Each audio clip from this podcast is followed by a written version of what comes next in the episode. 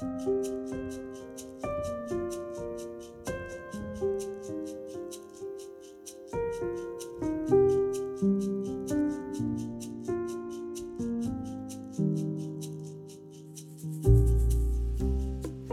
tid til annen får Petro-redaksjonen inn interessante spørsmål fra lytterne.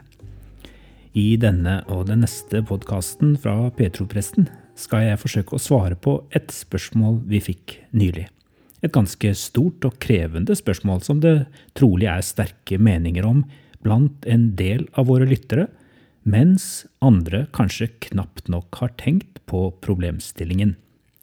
Spørsmålet fra lytteren handlet om Israel og hva vi tenker om den såkalte erstatningsteologien. I mitt svar har jeg hatt godt utbytte av noen svært innsiktsfulle artikler skrevet av en bekjent av meg, Gunnar Haaland, som er bibelforsker, har bodd over lengre tid i Israel og har familie der. I tillegg er han tilknyttet Israelsmisjonen og har skrevet om erstatningsteologien i en serie som du også kan finne på Israelsmisjonens hjemmesider. Det er en annen bibelforsker, Oskar Skarsaune, som har gitt en god definisjon på begrepet erstatningsteologi. Med erstatningsteologi forstår jeg en teologi som lærer at Kirken i den nye pakts tid erstatter Israel, altså jødene, som Guds folk en posisjon de bare hadde i den gamle pakts tid. I denne definisjonen legges altså hovedvekten på Guds folk-begrepet. Til den nye pakt, som erstattet og avløste den gamle, svarer et nytt folk som erstattet og avløste det gamle. Det kan være greit å være klar over at det knapt er noen som vil kalle seg selv for erstatningsteologer.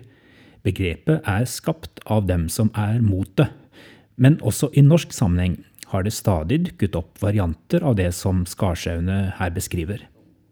Dessverre er erstatningsteologien beslektet med den type antisemittisme som preget kristne kirker gjennom mange generasjoner.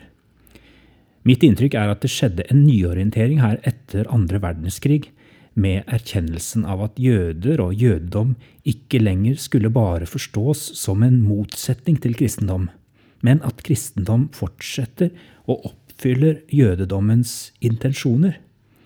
Mange hadde opp gjennom den kristne historie lest Det gamle testamentet ensidig i kontrast til Det nye testamentet, istedenfor å lese NT som fortsettelsen av det gamle. Man betraktet jødedommen nærmest som en motsetning til kristendom. Nyere bibelforskning har vist i mye større grad at de to testamentene utfyller hverandre. Jeg tror det er viktig å skjelne mellom teologi og politikk, uten helt å skille. Det skal jeg si litt mer om i neste podkast. I denne omgang vil jeg bare si at det må gå an å ta avstand fra erstatningsteologien og samtidig være forsiktig med å mene veldig mye om akkurat hvor Israels nasjonale grenser skal gå i dag. Det må kunne gå an å kjempe både for Israels rett til å leve trygt i sitt eget land, og samtidig kjempe for palestineres rett til liv og frihet.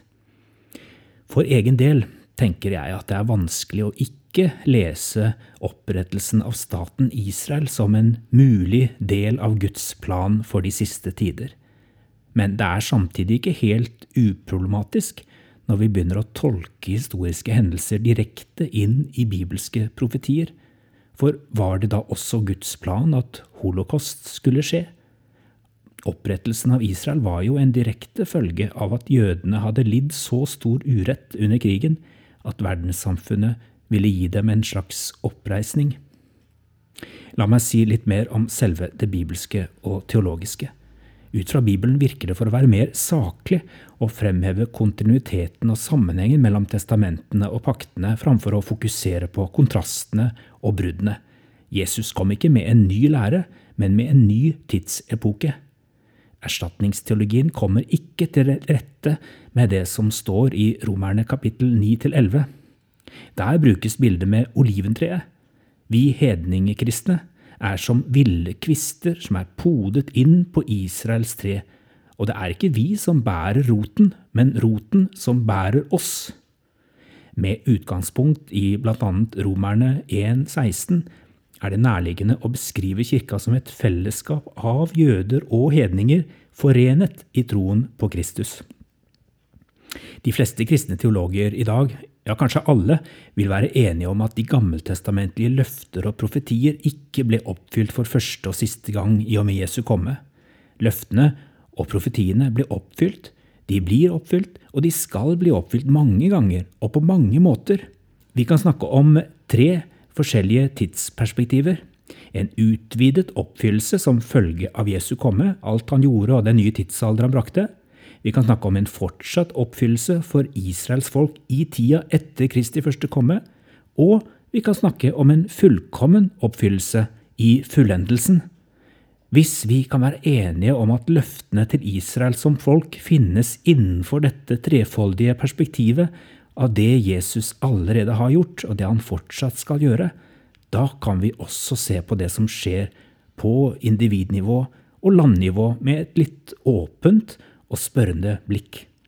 Det er uansett ikke vi som skal oppfylle Guds løfter, eller passe på at de skal bli oppfylt gjennom menneskelige vedtak og handlinger, men vi skal la Gud få handle.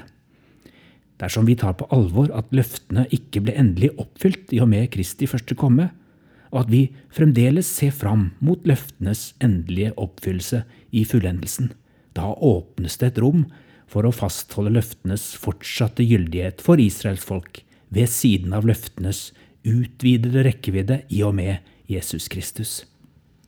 I forhold til landløftet innebærer dette at verken proklamasjonen av evangeliet om Guds rike til jordens ender, eller håpet om en ny himmel og en ny jord, nullstiller løftet om et land til Israels folk.